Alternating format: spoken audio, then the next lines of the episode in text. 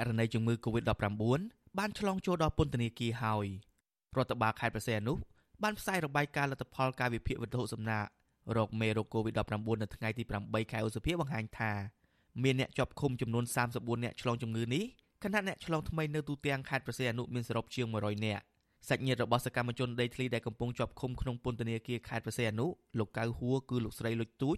ស្នើសុំអាជ្ញាធរផ្តល់ព័ត៌មានលម្អិតពីស្ថានភាពអ្នកឆ្លងក្នុងពន្ធនាគារ ព្រោះលោកស្រីបារម្ភពីប្តីដែលជាប់ឃុំក្នុងស្ថានភាពចាស់ជរានិងមានជំងឺសរសៃប្រសាទសាច់ញាតិរូបនេះទាមទារឲ្យមន្ត្រីតុលាការដោះលែងប្តីរបស់លោកស្រីវិញដើម្បីកាត់បន្ថយភាពចង្អៀតណែនក្នុងពន្ធនាគារខេត្តម្យ៉ាងលោកស្រីអះអាងថាប្តីរបស់លោកស្រី ជាប់ពន្ធនាគារដោយសារតែចំនួនដីធ្លីទាំងអយុត្តិធម៌គាត់ជាប់4ខែខែហ្នឹងហើយហើយមនុស្សគាត់វិញបាត់ស្មារតីអញ្ចឹងវាអត់សមយកគាត់ដាក់គុកទេហើយគាត់មនុស្សស្គួតកលត្រឹកអញ្ចឹងណាអូនវាអត់ដែលមានតឡាការណាទៅក្រៅណាក៏ដោយគាត់វាមិនដែលយកមនុស្សស្គួតដាក់គុកដែរកូនប៉ុន្តែនេះរងការអយុត្តិធម៌ពេកហ្មងយកមនុស្សស្គួតយកមនុស្សឈឺជំងឺដែលចាំបាច់ពេលខ្ញុំនៅផ្ទះហើយកូនខ្ញុំដាំបាយដាក់បបរខ្ញុំងូតទឹកឲ្យគាត់អញ្ចឹងមិនរស់ហងចាំមមយកទៅគាត់ទៅដាក់អញ្ចឹងកូននេះនៅសល់តែស្អឹងគួតហ្មងខ្ញុំឃើញប្តីខ្ញុំខ្ញុំឈឺចាប់ខ្ញុំឈឺចាប់ហើយខ្ញុំតោកចិត្តទៅទឹកទៅតឡាការគ្មានយុត្តិធម៌អញ្ញាធម៌គ្មានដឹងឮអាស៊ីសេរីមិនអាចសុំការបញ្ជាក់ពីខាងមន្ត្រីនាំពាក្យនៃអគ្គនាយកដ្ឋានពន្ធនាគារលោកនុតសាវណ្ណានិងមន្ត្រីនាំពាក្យសាលាខេត្តប្រសិទ្ធអនុលោកខៀងពិរមបានទេនៅថ្ងៃទី9ខែឧសភាជុំវិញការឆ្លងជំងឺ Covid-19 ចូលក្នុងពន្ធនាគារជាលើកដំបូងនេះតែយ៉ាងណាលោកនុតសាវណ្ណាប្រាប់សារព័ត៌មានក្នុងស្រុកថាបច្ចុប្បន្នខាងពន្ធនាគារកំពុងរកមូលហេតុលោកសន្និដ្ឋានថាបញ្ហានេះប្រហែលបណ្ដាលមកពីអ្នកពាក់ព័ន្ធខ្លះកើតជំងឺ Covid-19 ប៉ុន្តែมันមានចេញរោគសញ្ញាទើបបណ្ដាលឲ្យមានការឆ្លងបែបនេះ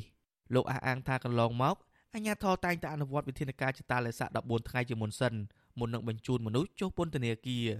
បន្ថែមពីនេះលោកបន្តថាគោលការណ៍ថ្មីខាងពន្ធនាគារបានស្នើទៅខាងអគ្គស្នងការដ្ឋាននគរបាលជាតិឲ្យធ្វើតេស្តរកមេរោគនៃជំងឺ Covid-19 ចំពោះជនសង្ស័យដែលត្រូវបញ្ជូនទៅតុលាការឲ្យរួចរាល់សិនទើបសម្រេចបញ្ជូនទៅខាងពន្ធនាគារ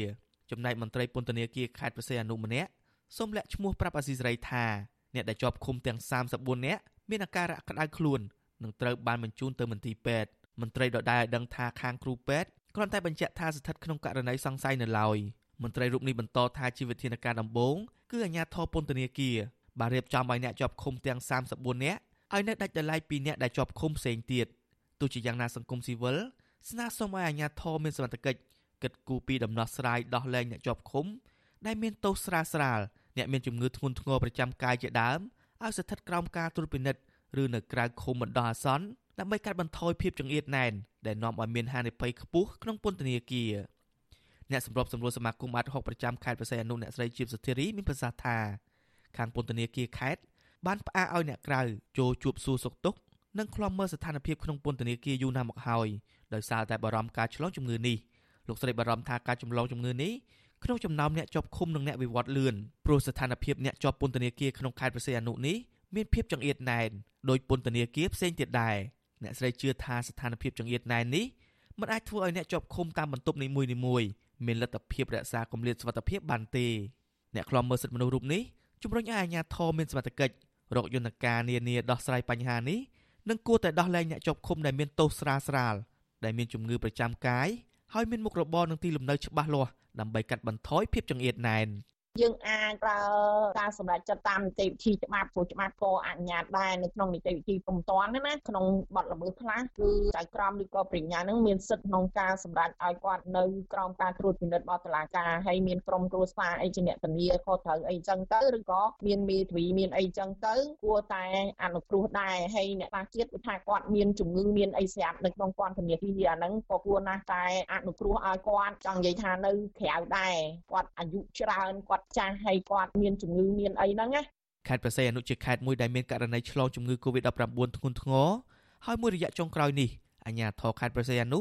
បានចាប់ខ្លួនពលរដ្ឋរួមទាំងជនជាតិចិនជាបន្តបន្ទាប់ដោយចោទថាអ្នកទាំងនោះល្មើសនឹងបំរាមទប់ស្កាត់ជំងឺ Covid-19 របស់អាជ្ញាធរ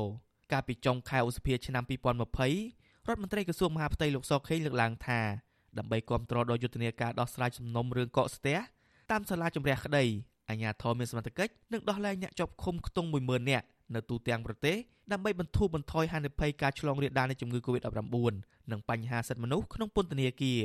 ប៉ុន្តែរយៈពេល1ឆ្នាំមកហើយរដ្ឋាភិបាលមិនបានគោរពសន្យាក្នុងការដោះលែងអ្នកជាប់ឃុំដែលមានទោសស្រាលស្រាលដើម្បីបន្ថយភាពចង្អៀតណែននោះទេអង្គការសិទ្ធិមនុស្សជាតិនិងអន្តរជាតិធ្លាប់ចេញសេចក្តីថ្លែងការណ៍រួមគ្នាទាមទារឲ្យរដ្ឋាភិបាលគោរពកិច្ចសន្យានេះតែរដ្ឋាភិបាលបដិសេធការលើកឡើងនេះ និងអះអាងថាមិនដែលបានសន្យាបែបនេះនោះទេខ្ញុំបាទជាជំនាញអាស៊ីសេរីពីរដ្ឋធានី Washington